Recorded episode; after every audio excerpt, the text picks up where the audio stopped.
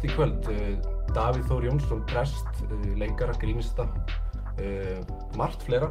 Við ætluðum að fá hann í kringum jólinn en það, það gekk ekki alveg eftir, það voru einhverja sótkvíjar og alls konar. Átti að vera Christmas special. Já, þetta átti að vera svona Christmas special sko. Við ætluðum að ræða um þetta, ræða svolítið hátíðarnar og, og og Jésu pælingar og svo leiðis. Uh, velkomin. Takk. Okkur langaði bara fyrst svona að byrja á því að spyrja þig bara hvað er það sem fekk, fekk þig bara til þess að verða prestur? Þú veist, hvernig, hvernig svona... hvernig leytist þú út í það? hvernig leytist þú út í trúarbröð? Já, nokkulega, nokkulega. Það, sko, ég get alveg sagt, ég get sagt löngu og, og hérna, persónulega vannu sögun af, af því, sko. Ég hef, ég hef alltaf, alltaf verið trúaður upp að þessu marki ekki kannski haft mikla trú á trúar bröðum mm -hmm. en hérna svo heitlaðist ég af Guðfræði fór að læra hana. Mm. aðalega bara af sko akademiskum áhuga á, á fæinu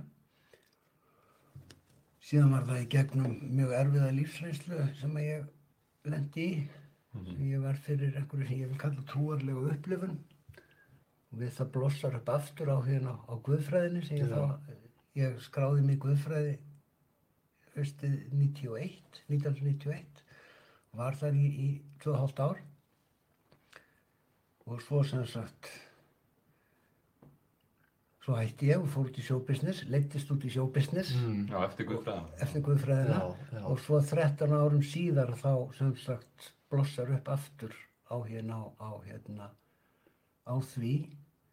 Og um leið kulna ég svolítið í sjóbusiness, ég nenni þess ekki lengur. Nei, það er bara, nei, sportið, sportið er alveg farið af þessu. Og það er, það er rosalega erfitt að vera sko tíska er þannig að, að veist, allt sem verður vinsalt og flott að það verður hallarslegt og gammaldags einhverjum árum síðan, mm. það bara, hún gengur í ringi mm. Og það er ofsalega vond eftir að hafa verið á toppnum og eftir að hafa verið elskaður og dáður mm. og hérna byðraðir eftir að koma og sjá mann og, og, og, og fólk bara slæst um síðustu miðana.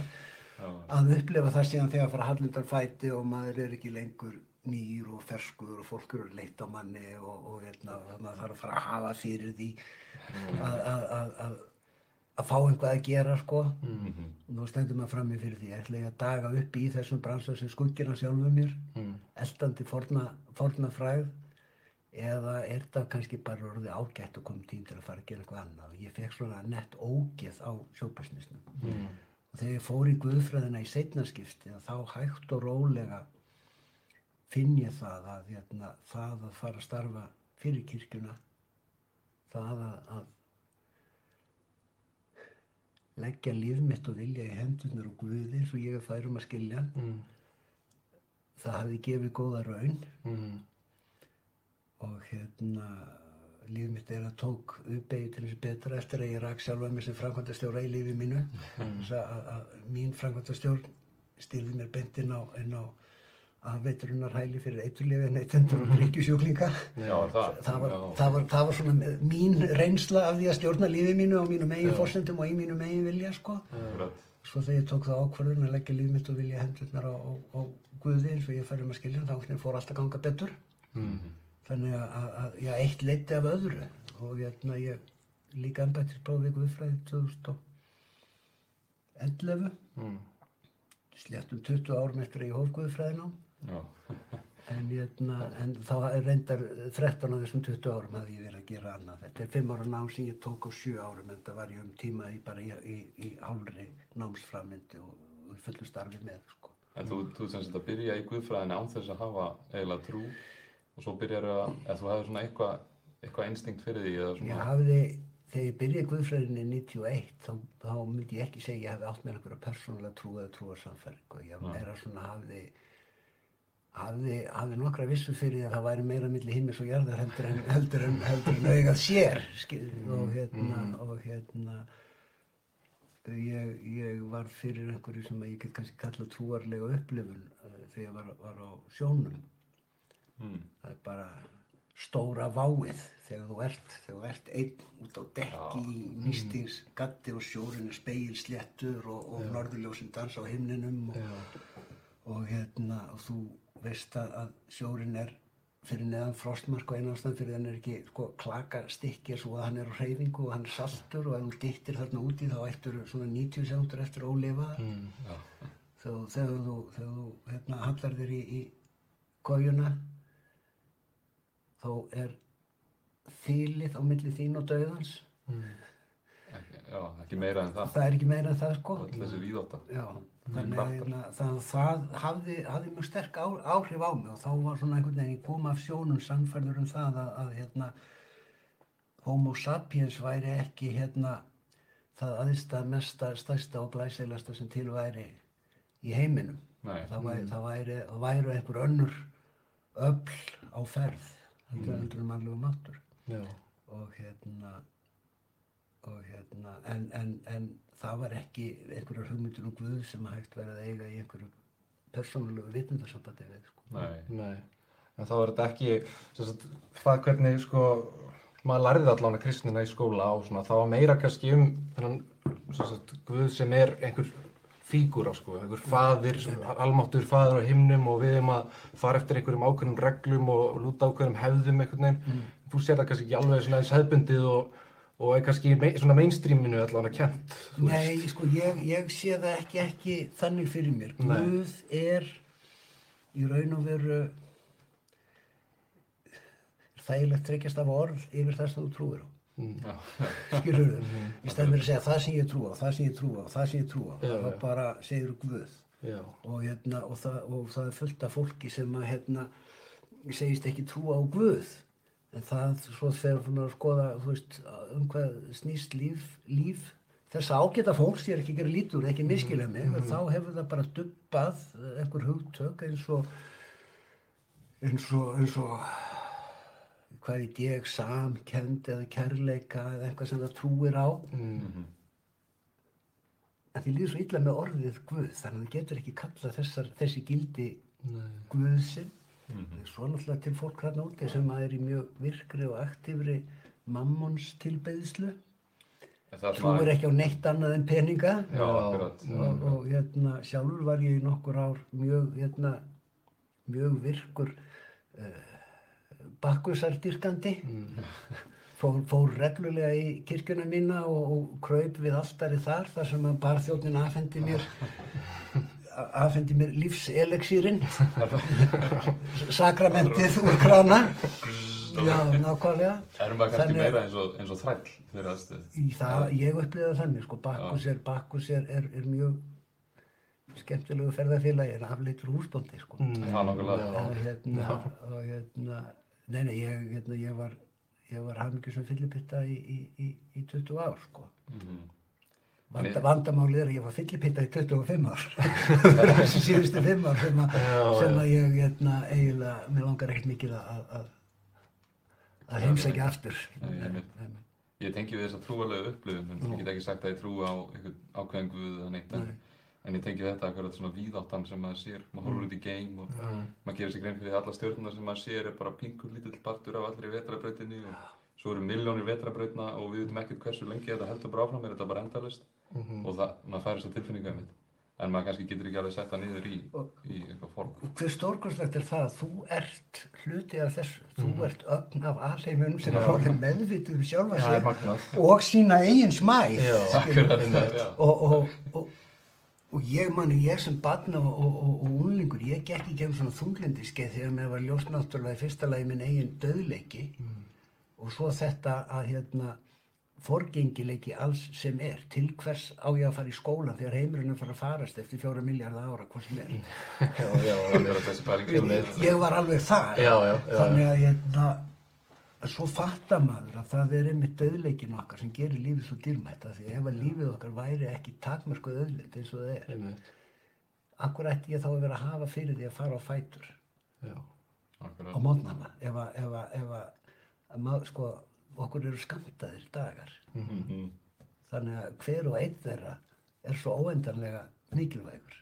Ef að við hefðum ef, ef, ef, ef, við fengjum endalausan fjölda af ævidögum þá myndi það ekki breyta neina þá myndi bara fara heim og, og, og halla þér í viku Nei, eða 75 ár eða, eða, eða, eða hallaðir út þetta jarðsögu heimurinn reyfist bara áfram og Já, þú nákvæmlega, gerir ekkert. nákvæmlega. Þannig að það væri kannski engin meining í rauninni að þú veist að að- Sko, það er með það ég, það, Það var, var endalaus. það var hann hérna Gædran, Tyson Mike Mike Tyson. Nei, ekki nefnilega heldur, heldur einmitt Neil deGrasse Tyson Neil deGrasse Tyson, já, já. já. hann sagði einhvern tíma sko að það hræðilegsta sem gæti komið fyrir mannin væri að öðlast ódöðleika vegna þess að þá yrði lífið einskils virði.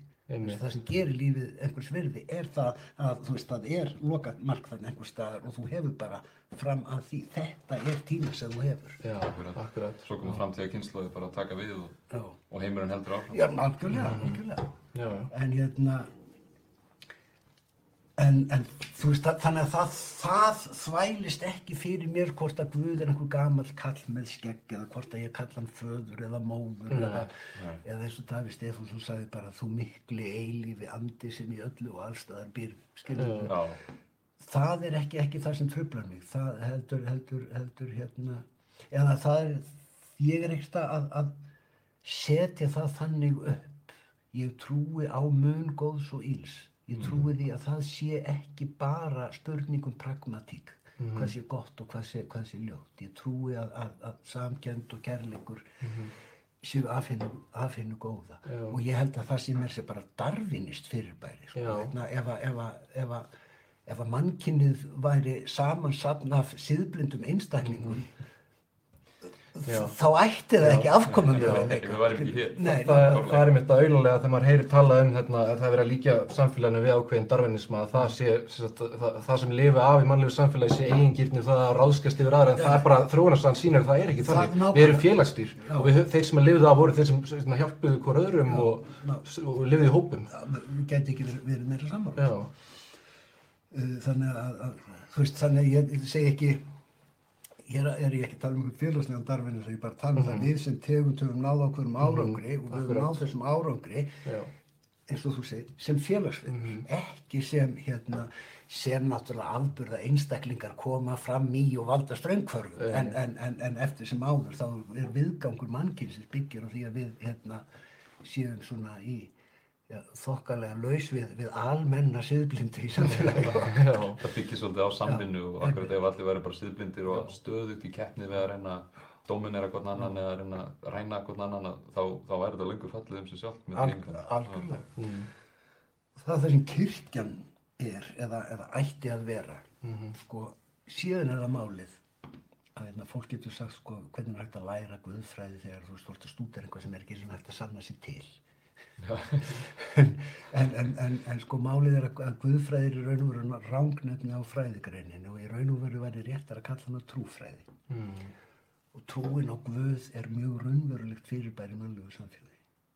Og þessa trú er hægt að, að og í raun og veru er svo, sem heilla mig við guðfræðina er að hún er ekki til sem fræðigrein. Í raun og veru ekki. Það er ekki eitt fagkent í guðfræði sem heyrir undir guðfræði sem ekki verið hægt að kenna einhvers þar annar staðar. Það sem að guðfræði er að hún er samansapn af öllum mögulegum fræðigreinum sem skoðar mannin sem trúandi veru, samfélag manna sem samfélag trúaðara.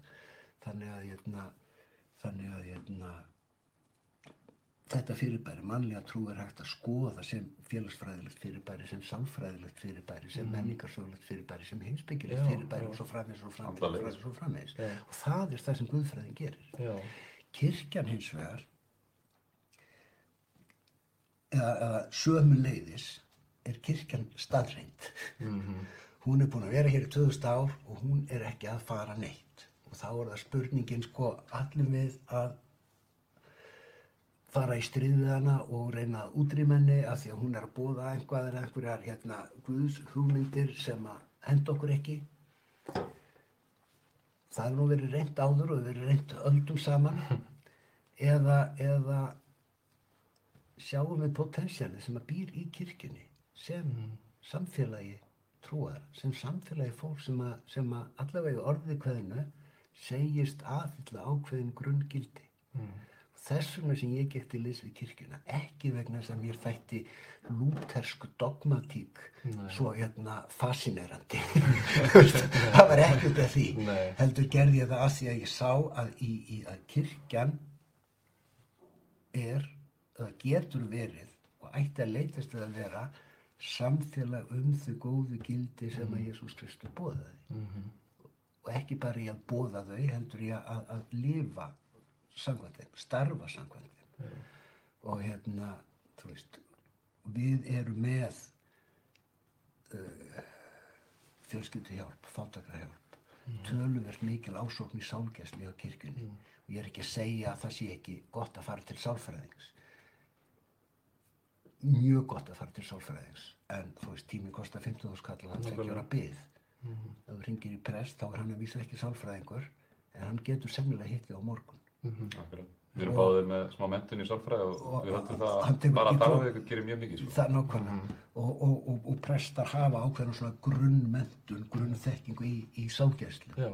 Í- og, og, og, og reynslu af því að umgangast og tala við syrgjandi fólk og fólk sem líður illa þannig að, þess vegna litist ég út í kirkjuna Já. vegna þess að ég trúi á mun góðs og íls, ég trúi á munin rétt og rangu, ég trúi á samhjálp og kærleik og ég held að kirkjan geti verið miðstöð fyrir það að kirkjan geti verið staður fyrir uh, kærleika Guðs að starfa meðal mann Mm. Já, það er algjörlega rétt að þetta, kirkjan getur verið mjög góður farvegur líka einmitt fyrir fólk til þess að upplega þessa svona samfélagskend líka, veist, fólk kemur saman og er að hjálpa okkur öðru og það getur með þess að far, segir farið í sálgæslu og svoleiðis.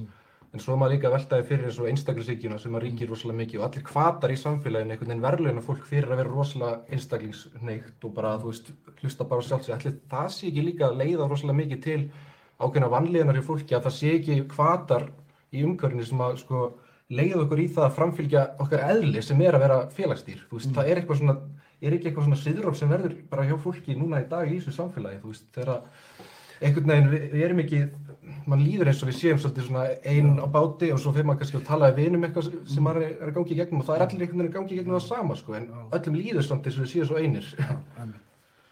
sko jú, já, jú og nei ég sko, er svolítið smeyku við að tala um, þú veist, siðróf ég menna samfélagið er í þróun. Já, og svo þróun bara heldur áfram.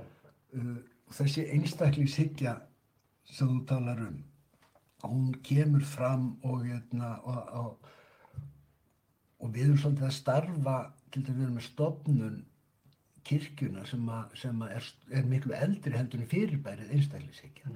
Og, og þegar Lúther er að mótmæla á 16. öld kirkjunni takk eftir því að þá hann, hann er fyrir stríð við kirkjuna. Þannig í raun og fyrirbæri lúterska kirkja er, er, er þversögn. Mm, í raun og veru.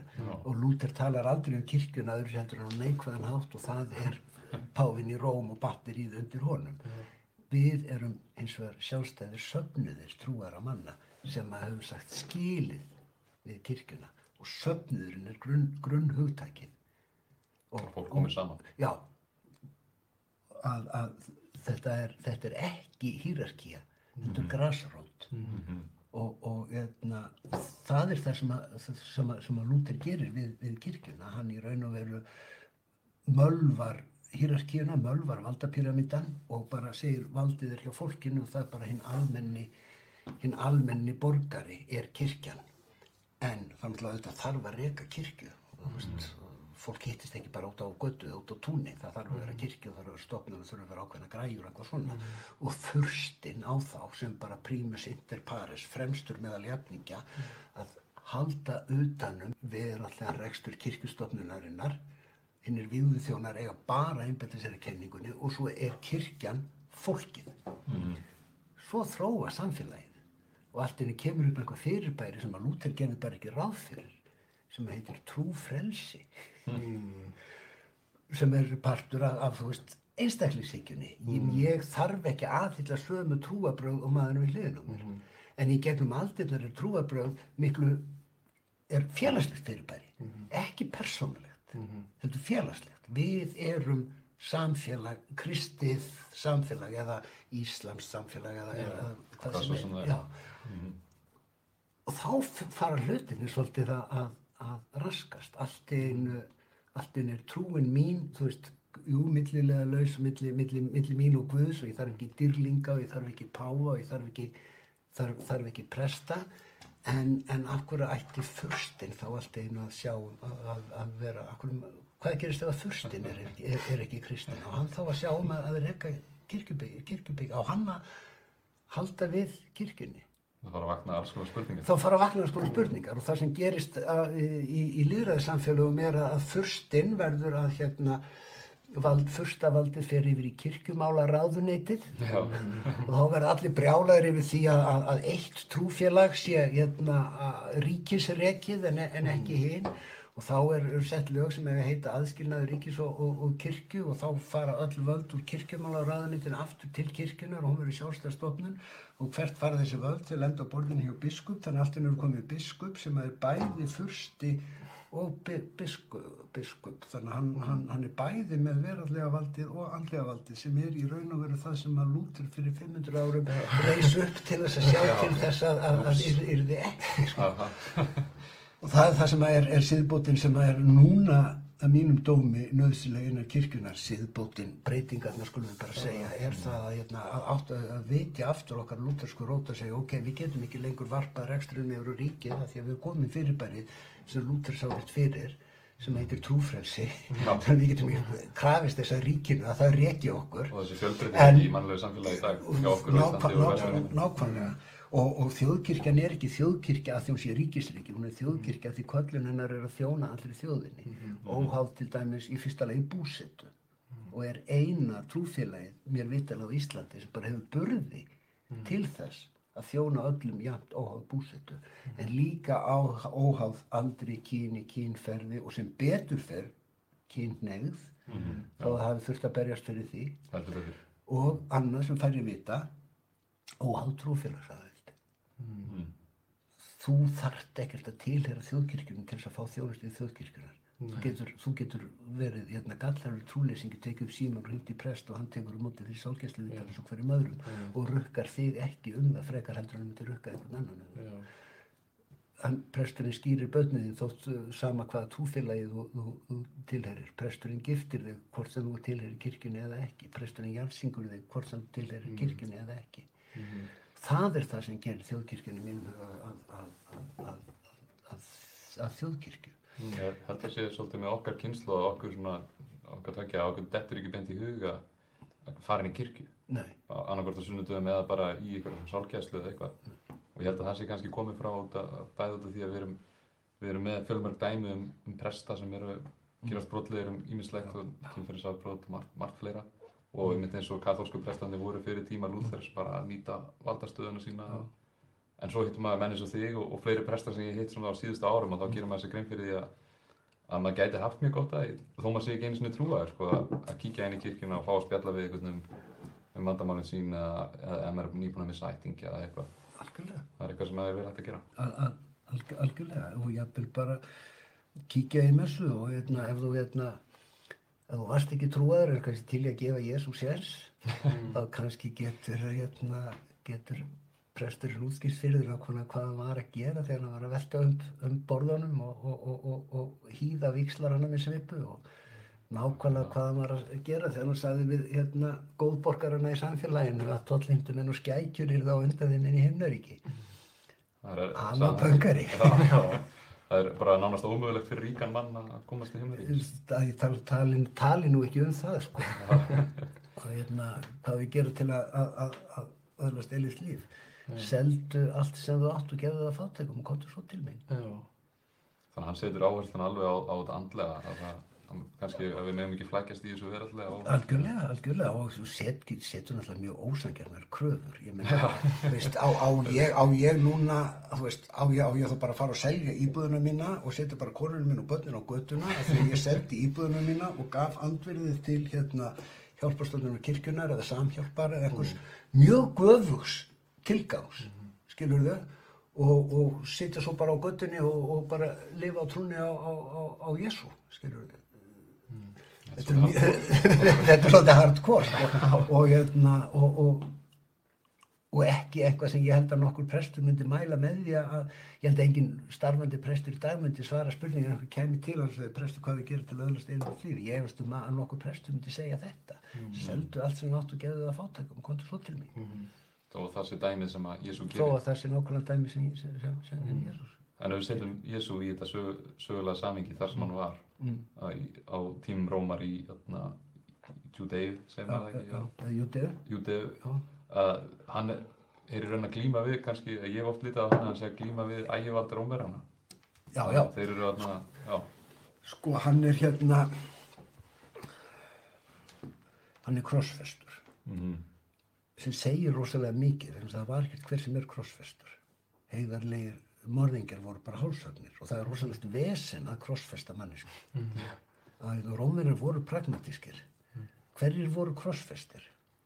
Það voru uppreisnarmenn það voru byltingamenn, það voru menn sem ógnuðu rómverskum yfiráðum, menn sem voru ógn við friðin hafið þið séð Spartakos, þekkið þið söguna um Spartakos? Já, uppreisnina sem að laug með því að þeir voru allir krossfestir já, eftir veginu til, til Rómar. Sko, Jésús var ekkert fyrsti maður sem var krossfestur og, og alls ekkert svo síðasti og það fárnátt alltaf ímynda sér að þessi krossfesting hafi markað einhver tímamót eða hinnum viðstötu hafi þótt hún eitthvað merkilegur en önnur. En bara svo staðnit að hann var krossfestur segir okkur nákvæmlega fyrir hvaða glæpa hann var krossfestur. Og er þá verið að vara annað? Fyrir hvaða glæpa hann var tekinn að lífi. Já.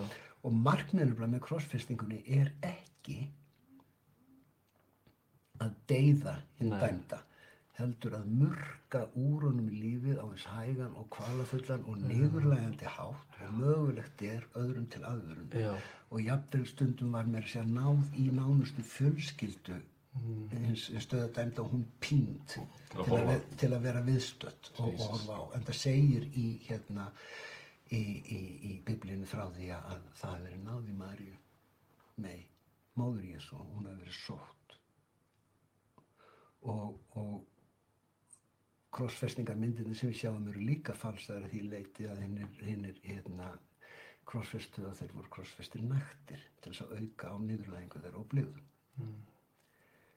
Uh, Jésu, sagðan segir Jésús hafi sagt á krossinu mig þyrstir þá hefði tekið njarðarvött og vætt hann í ediki og borið að vörum hans og hvað er njarðarvöttur?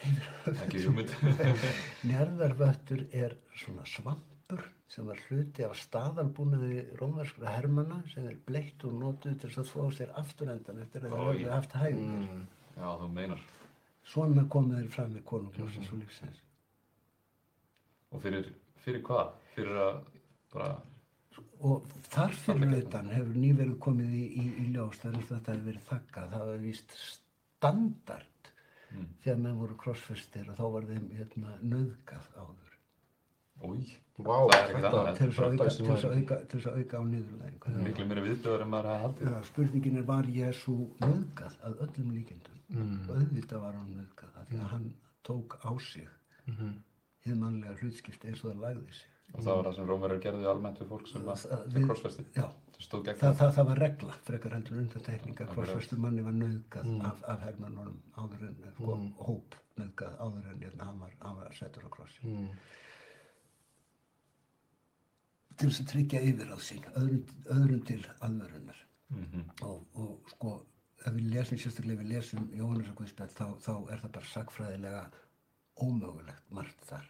Að, að, þú veist, það voru ekki gyðingarnir sem að tóku Jésu á lífi. Mm.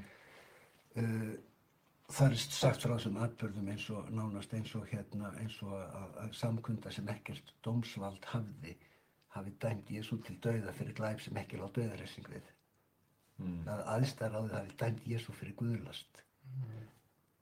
Það var ekki þannig. Rómverjar tóku Jésu að lífi fyrir að ógna friðin fyrir að, að, ögra yfir, yfir áður þeirra og, og þegar hérna þegar þau komið til þess að segja að, að það er sagt að þú hafir hérna, sagt að við eigum ekki að borga skatt. Og Jésu segir, erum við með pening á okkur og einhver lætur á pening og segir, af hverju er þessi mynd hérna á peningnum? Þeir segja, af keisaranum og þá segir Jésu þess gullvægu setningu gjaldi keisaranum þar sem keisaran sér og Guði þar sem Guðs er Mm. Mhm. en hvað þýðir þessi setning? hvað er Guðs? hvað er það sem er Guðs? Gyðingar voru alveg með að reyna hvað var Guðs. Þjóðin var Guðs, hún var Guðs útvölda þjóð. Landið var Guðs. Mhm. Öðrum orðum, Rómverjar eiga ekkert tilkall til yfir á það, yfir gyðingum eða landið þeirra. Hann hefði ekki getað sagt hérna, Romans go home Mm. skýrar Já, já. Hann er svona anti-imperialisti. algjörlega eins og margir í Suður Ameríku og í algjörlega, Já. Afríku og svona sem hafa reysið upp gegn ægivaldi heimsveldisins í dag, bandaríkjana. algjörlega Og þeir eiga mikla samleið annað, kannski, á þessu leiti. algjörlega þannig að því að þið voru að spurja mig sko eins og þið settuð upp hérna kynninguna á þessu spjalli var Jésús sósíalist að þá myndi ég segja sko svarið er náttúrulega nei einfallega þess að nei. var ekki til og var ekki sko einu svona notæfur sem hugtak í, því samfélagi. Þannig að en ef við myndum spyrja hefði Jésús haft samúð með þeim grunngildum sem Mhm. sósíalismi nútímans byggir á þá er svarið að mínum dómi tvímælust já. Það hefði hann. Það, það, það hefði hann svo sannlega því að samúð hans er alltaf með lítið magnanum alltaf með, hennum kúaða alltaf með hennum undirokaða og jáðarsetta og, og bara frá upphafi til, til enda. Að hérna lægsta stétt samfélagsins voru fjárhyrðar þeir voru flokkaðir með vændiskonum og tollendumönnum menn sem að vegna atvinnum sinnar voru óhreinir að þeir gátt ekki haldið kvíldadaginn heila Mm. af því að það þurfti að sinna Nákvæmlega. og sumstaðar máttir ekki einu sinni fara inn í borgir Uh, do- uh, vitnisburður þeirra var ekki tekinn gildur fyrir dómstólum. Þeir, þeir þóttu bara óheðarlegir lignir þjófóttir. Mm. uh, það er annar hópur sem að var gjörsanlega réttlaus sem að hérna mátti ekki heldur bera vitni fyrir dómstólum af því að hann þótti svo heimskur og ómartækur og það voru konur. Mm. svo fæðist Jésús og hann fæðist í fjárhúsi eins og skefna Mm. Mm. Í svo leðstu stjætt. sko ekki einu sinni í þessari legstusti hann fæðist eins og hústýr Já. Hann, veist, og lagður í, í jötu Já. sem er sko undir, undir skeppnufóður af mennskunin er algjör. Já, já. hann fær ekki eins og fæðist eins og manneski hann fæðist eins og hústýr við erum vöðum að sjá einhverja kósi mynd af hérna jötunni og fjárhúsinu og stjarnan Já. og kósi en svo myndi ég segja þér hérna það er fátækt fólk sem eru á götunum sem eru að leita skjóls í gripahúsum til þess að fæða börnin sín það er í flórnum. Já. þín viðbröð myndi ekki vera hann en kósi! Er og fjárhúsin í, í, í hérna Betlehem fyrir 2000 árum voru ábygglega ekkert meira kósi heldur fjárhús á, á Íslandi eru, eru í dag sko. Mm. og hverjir eru kallaðir til að fagna fæðingu hans Eru fjárhyrðar Já. það er, það er, Það er allra lægstu. það er allra lægstu það er sko, það er sori mannlífsins sem er sem er kallaður að Sorinn, prestarnir- svona gæsalappa. já, nákvæmlega Já. í augum góðborgarana í já. efri Já. Ríkjandi stjættar hverju sinni. Og svo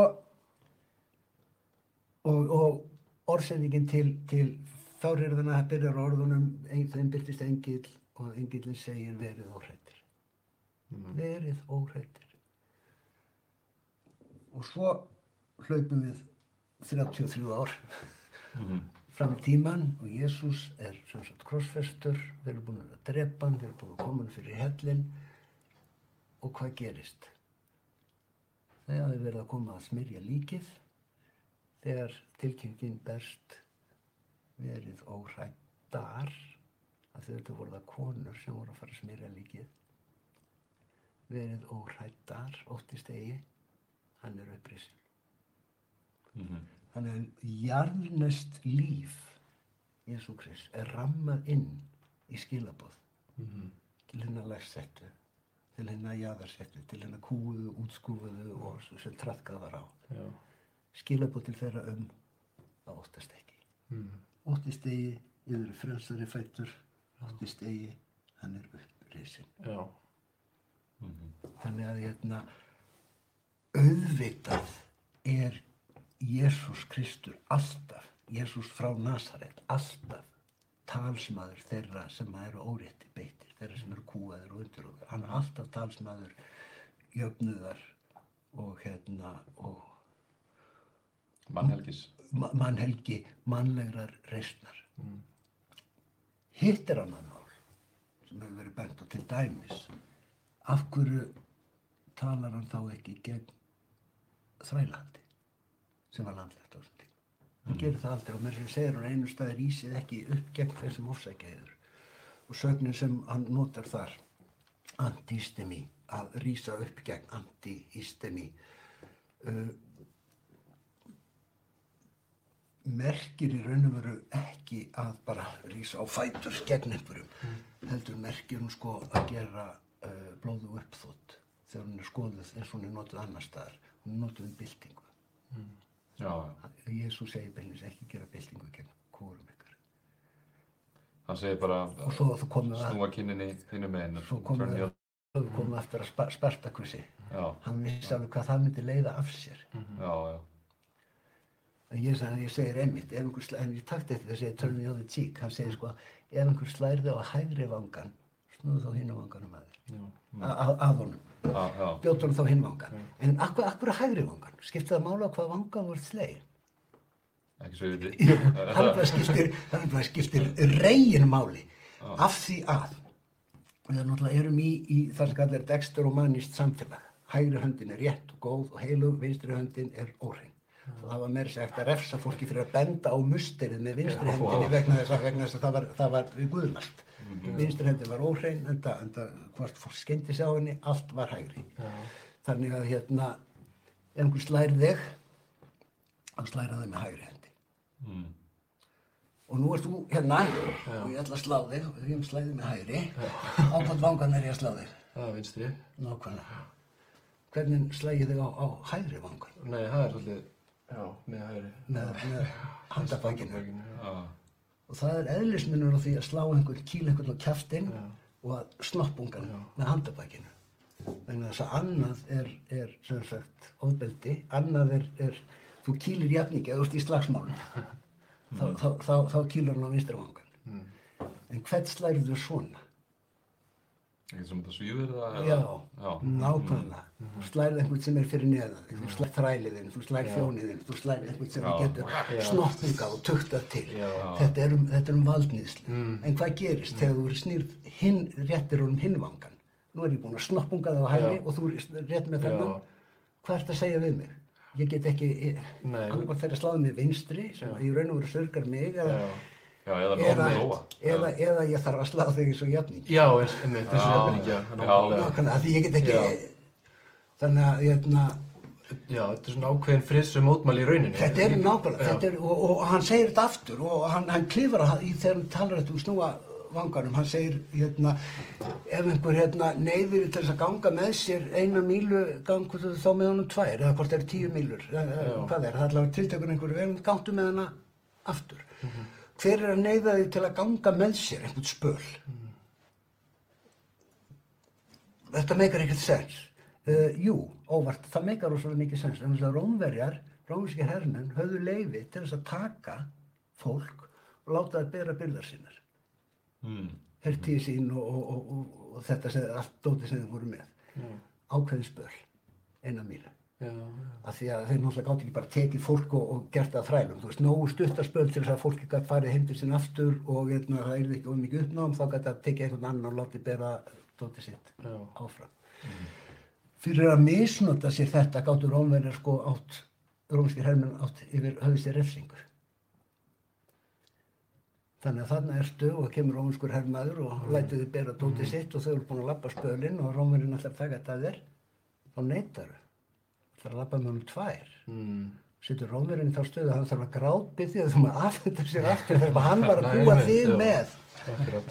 Þannig að Jésús bendur á, þú veist, friðsamar leiðir Já. til þess að, að, að, að krefjast, krefjast virðingar, til þess að, til þess að fa- knýja fram mannlega reysina og, og, og viðurkenningu og, og, og, og, og manngildi. Eitthvað sem Martin Luther King hefur alveg tekið sér til fyrirmyndar. Algjörlega. Já, einmitt. Algjörlega. Já. Og þetta ver- að verið stemmið vera stundum að þetta, þetta getur verið mun effektífara að sína hérna kynina eða er fara svona mjúkt í málinn að þá er líka, eru líka meiri líkur á því að þú tógir fleiri með þér. Já, einmitt, En einmitt. ef þú fer beint á móti valdinu, einhver lítill hópur, þá er einhver bara splundrað og, Já. Þú meina, það þú bara fyrir þér. Ef Það eru tveir menn og, og annar slær hinn og hinn slær á móti og þetta eru bara slagsmannandar. Mhm. Svo séu tvo menn sem eru að rífast og slást og annar slær hinn og hinn réttur um hinvangan. þá ertu strax búin að fatta að það er maður sem að, sem að hérna, þú er strax búin að sjá hvor er á þeirra plani. Já, já. Þú er strax búin að sjá Já. uh, með, með hvorum er, er, er sennilega skynsamlega að hafa saman. Að, hérna, að sá sem er rétt í hinvangan er sennilega ekki að hérna, halda fram einhverju mjög ósangjörnum eða, eða röngum eða ljótum málstað. Akkurat. Þetta er svolítið líka, finnst það tengjast pínu svona ákveðnum dáismá, skilur þetta er svona smá svona sleppa tökunum einhvern veginn og þú veist að einhverju leiti, eða það ekki, eða hvað? Jú, óbyggilega. Svona einhvern veginn, já. Óbyggilega. Það, og, og það hefur verið bent, bent á þetta, þetta áður. Já. Að, hérna, og mér segja, sko, segir Jésús á einu stað, ég er tá. Mm. Já, Nei, já, við, við, við þurfum að fara svolítið krókan. Hvað þýðir tá? það hjá kynverjum allan að var það andinn, mikli andinn. Já, það var vegurinn. Vegurinn. Bókinu veginn, Já. bókinu tá. Og Jésús segir vissulega einu stað, ég er vegurinn, Mm. sannleikurinn og lífið. Já. Sem er dáið. sem er dáið, nákvæmlega. Já. Þannig að, þannig að, að það, er, það, er, það er hugmyndafræðileg tengsl þarna á milli og, og táknin og líkingarnar eiga sér, eiga sér samsvörun og, og, og hliðstæðu. En það er einmitt þetta, Jésús er sko, uh, hún getur sagt, andofbeldis sinnaður en samt í raun og veru ekki vegna þess að hann, hann, hann hótar í sjálfu sér ofbeldi. Að, hérna, að þegar hann kemur ríðandi inn í borgina á Asna svo fyrir hann í mustur og þeir leggja undir sér musteri, hann veltir um borðunum Já. hann býr til svipu, ég menna það fer einhver sögum af mannfalli við þetta áhlaup. En þarna er, er vissulega gerð árás á musteri í vikunni fyrir páska, nota bene þar sem var sko hérna aðal hérna gróðartífabili fyrir aðstuprestana og hann bara skrúar fyrir okkur og fórnardýrum Já. Þannig að, að, að Kæfas, æðstiprestur, hafði enga rétt á, á, á, á sölu fórnardýra sem hann keipti á markaðunum og seldi á tíföldu eða tuttugföldu verði í musterinu Já. af því að það mátti ekki bara kaupa dýr á markaðunum og fórna dýrinu urðu að vera alveg lítalaus en, en, en eða keift í musterinu. Þannig að hérna, hann bara lokar fyrir þessa, þessa fjárplókstarsinni en, en punkturinn er það að hann rýður inn í borgina á Asna og vísar þar með í spátumsbók Sakaria þegar hann segir, þegar hann segir "Ko- sjá, sjá, sjáðu Ísrael, konungurinn mun koma inn í borgina rýðandi á Asna, hann er auðmjögur og hógvær. Og honum er fagnað svona eins og maður lesum að, að rómverskum herfóringum hafa verið fagnað þegar þið komið ríðandinn í róm þá lögðum við klæði sín á veginn og, og hafa með hernunda þræla líða undan sér. Jésús er fagnað eins og sigursærum hersöðing þegar hann kemur inn í borgina ríðandi á Asna. Myndin er augljóst þetta er bara myndin sem er teiknuð upp í þessum texta í spátumsbók Sakaria höldum svo áfram að lesa spátumsbók Sakaria hvað gerir þessi kongur þegar hann er búinn að ríða inn í borgina á Asnanum?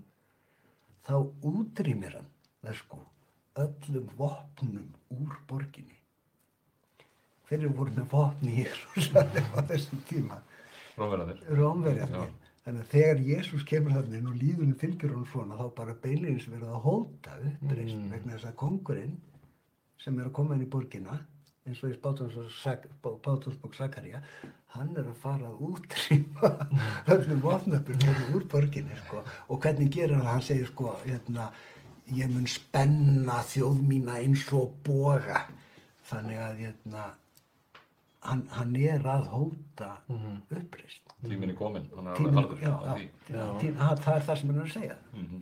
það sem segir í Spátursbók Sakaria þegar, þegar konungurinn rýð, rýður inn í borgina og, og rýður burt sko með vopnavaldi.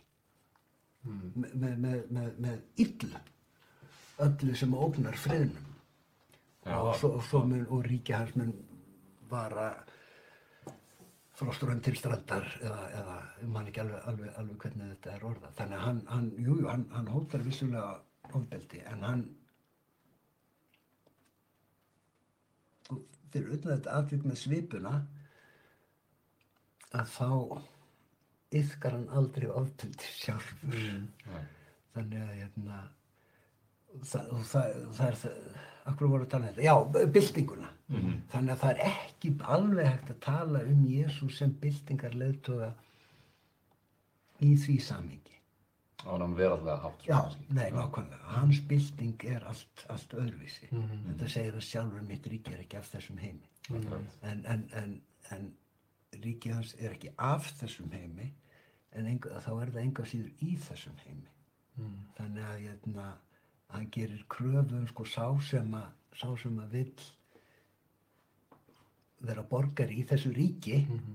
að hann verður að hérna, hann gerir kröfu um ákveðna hegður. Hann gerir kröfu um að við yfkum félagslegt réttlæti. Mhm.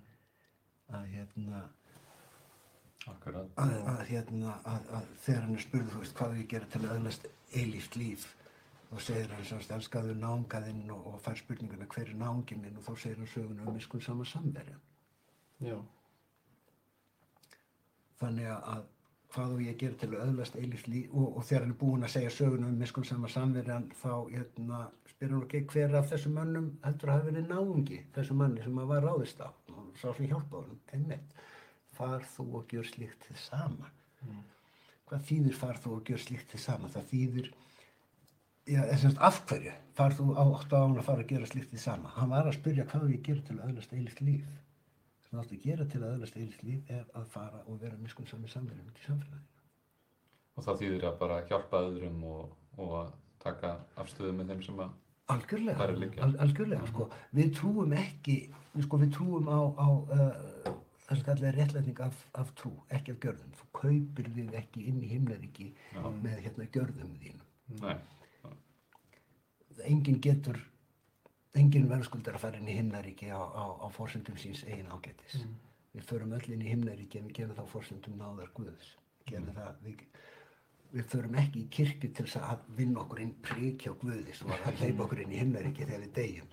Förum í kirkju að við erum þannig fólk að við getum ekki tekið allir þessari náða að þess að segja takk, takk þess vegna sem við förum í, fö- förum í, í, í hérna í kirkjuna en ef þú raunverulega þó að hérna þó þú réttlistist ekki fyrir trú ef þú kaupir þig ekki himnaríki með góðverkum ef þú raunverulega hefur tekið á múti Jésu Kristi hjarta þér þá sést það á því hvernig þú haga þér í samfélaginu. Eða ætti að sjást Já. svo náttúrulega uh, horfir maður á, á, á fólki sem að gapir hæst og mest um hérna um hérna um Jésu og Já. um Jésu og hérna og, og maður segir, "Bíddu, veit þetta fólk eitthvað um Jésu Mm. hérna þú getur ekki, þú getur ekki kallað þig kristilegan og rekið áróður gegn því að flóttamönnum sem hjálpa á tekið Nei, Já. Þú veist, nákvæmlega. það, það, það bara, það gengur ekki upp. Það er bara þessum í því. Þú getur ekki aðhyllst, hérna, sagst aðhyllast kristin, kristin gildi og, og verið á móti, hvað veit ég, jafnbreytti kynja, Já, einmitt. skilur við. Það er bara anstætt skilafón. Já, bara, þú veist, það, það, það er bara eins og vera, þú veist, kommunískur kapitalist. þú veist, Þetta er bara, þetta er, er ósamræmilegt. Og getur ekki verið að þetta sé mitt, sko, mikið af svona fólki sem er að dóminera umræðan um kristina og sérstaklega í Ameríku, Já. að það hefur kannski líka reynst rosalega fáriðandi fyrir ungt fólk þegar heyrir heldur að þetta sé sem kristin snúðist um. Það hefur verið það. Þess vegna er svo mikilvægt eða það er svo indislegt þegar maður, þegar uppdúkar fólk sem er akkurat á, á hinni línunni. Já. En hérna, þeir eru ekki eins mikla peninga og þeir eru ekki með sjónvarstöðvar en það eru mjög margir og ef þið farið á YouTube og, og, og, og leitið þá eru mjög margir hérna mjög frjálslindir og róttækir kristnisöfnir í bandaríkjónu líka. Já. Og þeir sem, að, þeir sem að fara af stað með þá samfæningu að hérna, trúabröfin séu rót alls íls en náttúrulega komni til himnaríkis þegar þeir fara til bandaríkjana þannig að þar geta þeir bara rungað milli, milli, milli byssubrjálaðinga og, og, hérna, og, og sjónvarspredikara og, Já. og, og lið sem er að sveifla snarkum og taka tung, tala tungum. Þetta er smá eins og, eins og svona ákveðin arfleið í bandaríkjunum af þessum snáka olíumanni Já. sem er að selja þér eitthvað, eitthvað mixture, eitthvað, eitthvað töfra segði þarna, hjá kúrika tímum og mér finnst þessi einmitt TV evangelicals vera bara alveg eins. Já, svolítið þeir eru að segja bara dans í kringum synda svolítið. líka líka. Já, alveg Og beint, það, sko. það, það, það, mér peninga og því verður þá væntinga peningum líka það- það er einhvað í, í, í þessari amerísku innstillingu sem gerir það að verkum að sko, ég held að Íslendingar svona upp til hópa þau bara hérna, þau slökkva bara, Já. bara það er ef, þú, þú nærð ekki til mín með þessum aðferðum þvert á móti, þú, þú hrekur mig á flótta Já, frá þér með þessum aðferðum.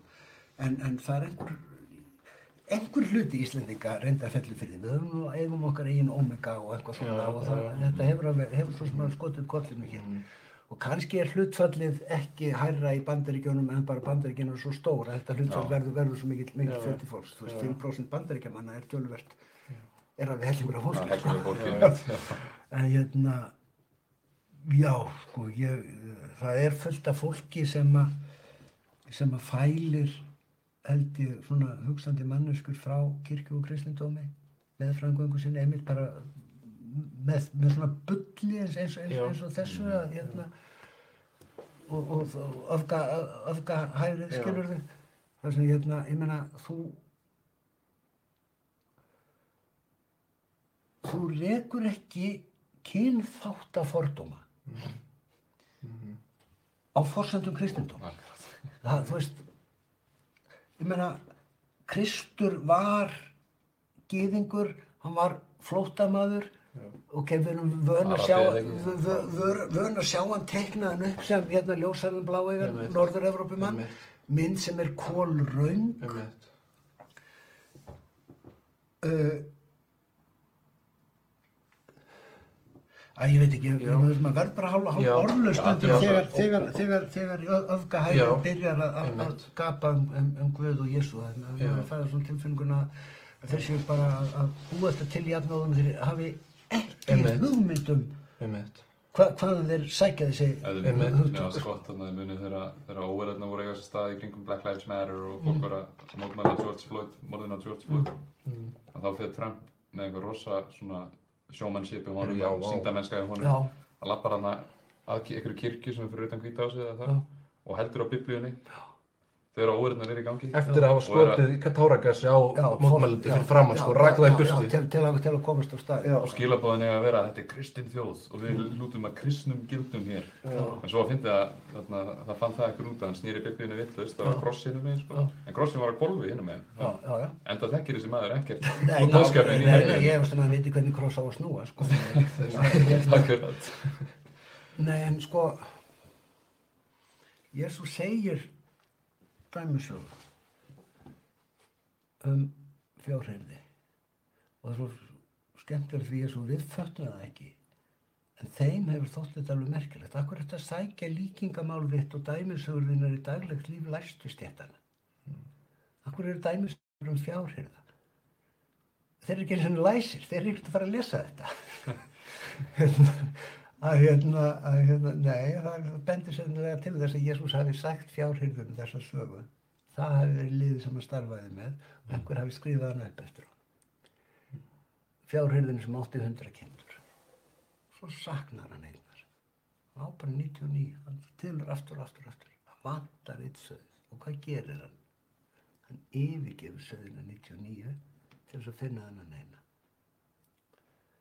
no one left behind Já, sko, og hérna, þessi 99 hefði getað sagt, hérna, "En hvað með okkur? Skiptum við ekki máli?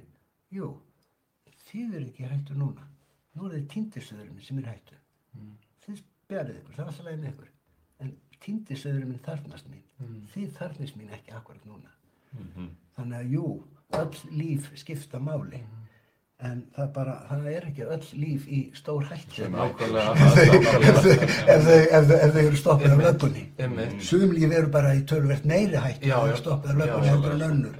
Og þá bara þurfa þessi líf sem eru ekki hættu bara að átta sig á því að nú er ástæða til þess að taka sérstaklega utan um þau líf sem eru í hættu. Það þurfa okkur það er svo kristnin sé bara notuð í bandarækjunum af ráðandi stéttum til að réttlæta ákveðna valda misnótkun og, og það hvernig þeir fara með völdin og ekki, ekki bara í bandir hefur verið gert, gert í Já, gegnum já. aldir Já, það er já. raun og veru kraftaverk að hún skuli enn vera á lífi Já, 2000 ári síðan og að innan og innan vitandennar sé fólk sem að er ennþá að, að, að rembast Já. við að reka áróður Já. fyrir félagslegu réttleiti og jöfnuði á, á forsendum þessar, á, á þessum sömu forsendum og, og, og hérna, hafa verið notaðar til að, að, að rafka og, og, og kúa í gegnum aldina.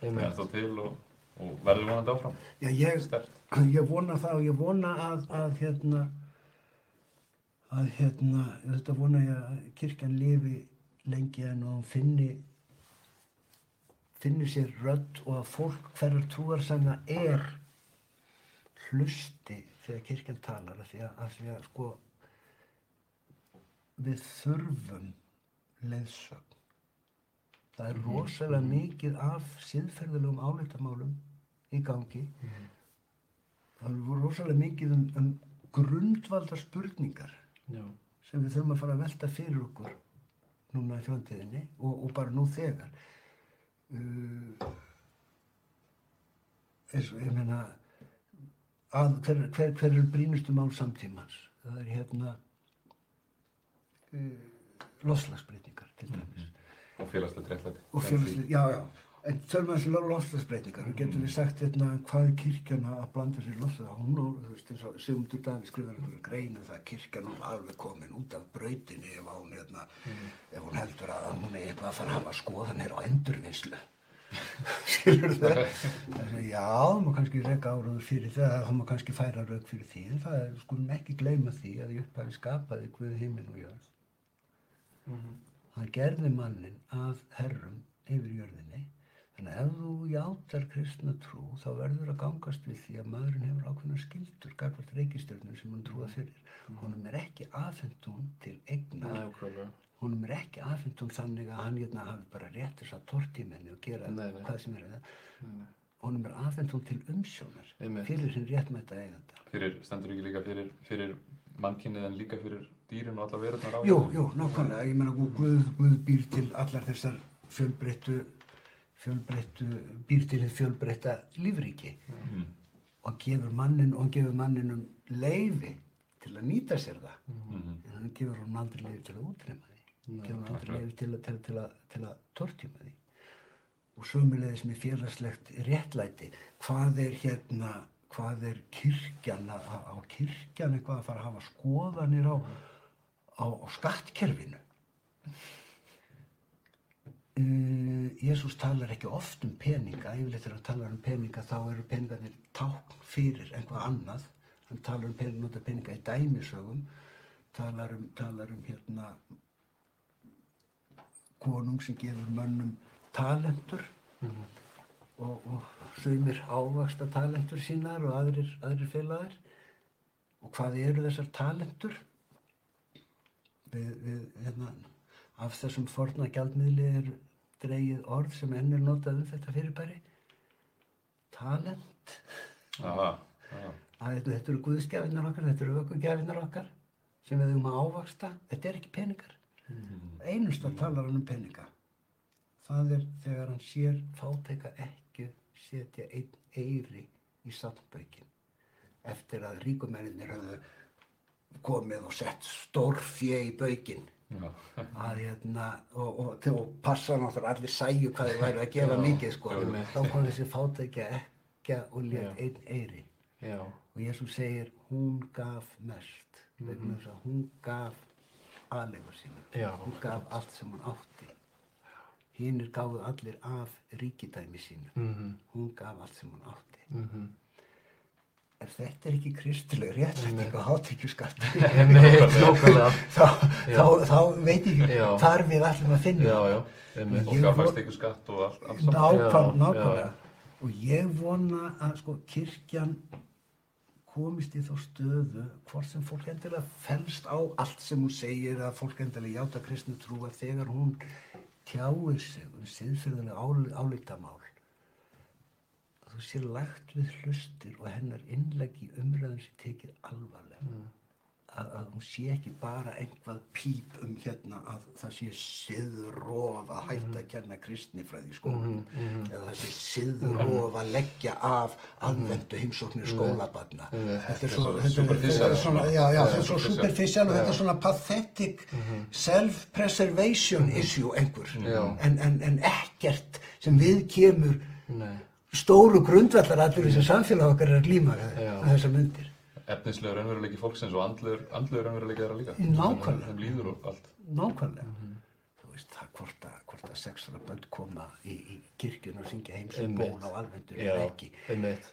Get all beyond. Mér, mér yfirbúr skemmt umræða líka. Já, oft já. um þetta, það er rosalega sjaldan kafa líka djúpt innmitt í þetta sem við vorum að ræða núna, þetta er bara örgulega fyrsta skipti sem maður hefur heyrt bara tala djú, eitthvað djúpan hátt um þessi mál, sko, það er bara, Og ég held að þetta, margir rosalega yfir það ekki kynst þessu svona. sko. ég er ofsalega þakkláttur fyrir öll tækifæri sem ég fæ til þess á þennan á að tala um þessa hluti.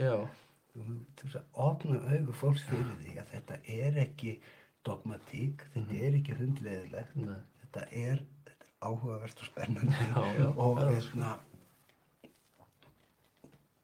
og ef þú hefur einhverja þörf svona inn í þér fyrir einhvern aðri sannleika þú veist með fullri virðingu fyrir jókum og, og, og búddistum og, og hindúum og, og öllum heimsins trúðabröðum ég hef verið spurður að en akkur, akkur kristindómurinn ok, ég, þú hefur trúar þörf og þú vilt fá henni fullina akkur kristindómurinn og ég segi ég því ég þarf að velja mér leið. Ég hef þessa þörf og ég þarf að velja mér leið. Ég get ekki farið allar leiðir. Ég þarf að velja mér leið og halda mig við hana. Ég hef aldrei haldið því fram að kristindómurinn sé einhvað réttar eða betur trúabröð en önnur. Það eru þau trúabröð sem ég hef valdið mér. Ég haldaði mig við þau. Því ég hef ekki heldur neitt fyrir mér í því að þau sé einhvað verri en önnur aftur á móti þá er það nú þannig að það er kirkja hinnum með göttuna það er kross í fánanum mínum. Nafnið mitt er úr biblíunni skilur þið af hverju ætti ég að fara yfir hálfa hnöttin og sækja mér hérna vatnið til Indlands? Einmitt, sem rennur í bæjarlæknum heima Í það minnsta getur maður svona opnað hugan fyrir þessu. já, nákvæmlega Það er mikill áhugi fyrir einmitt búddisma og dáisma og öðrum trúabröðum. algjörlega og, og, Við við erum og svolítið, svolítið langt frá kristinni. sjálfsagt að bera virðingu fyrir því Mhm. en hérna en, það er líka ef við eigum líka svolítið sem heitir, heitir kristindómur og það eru líka að finna finna svör og, og leiðsögn í hérna í gegnum ráðgáttur lífsins Ég er sammála því. Maður hefur kynnt kyn sér það aðeins. En þá erum við komin að enda lögum í kvöld. Þakka þér kærlega fyrir. Takk fyrir gott að næst strákar. takk fyrir að bjóða mér Við kannski fáum aftur ykkur tíma. bara hvenær sem er, hvenær sem er Frábært. Takk fyrir að hlusta og við sjáumst næsta mánudag klukkan 9. Verið sæl.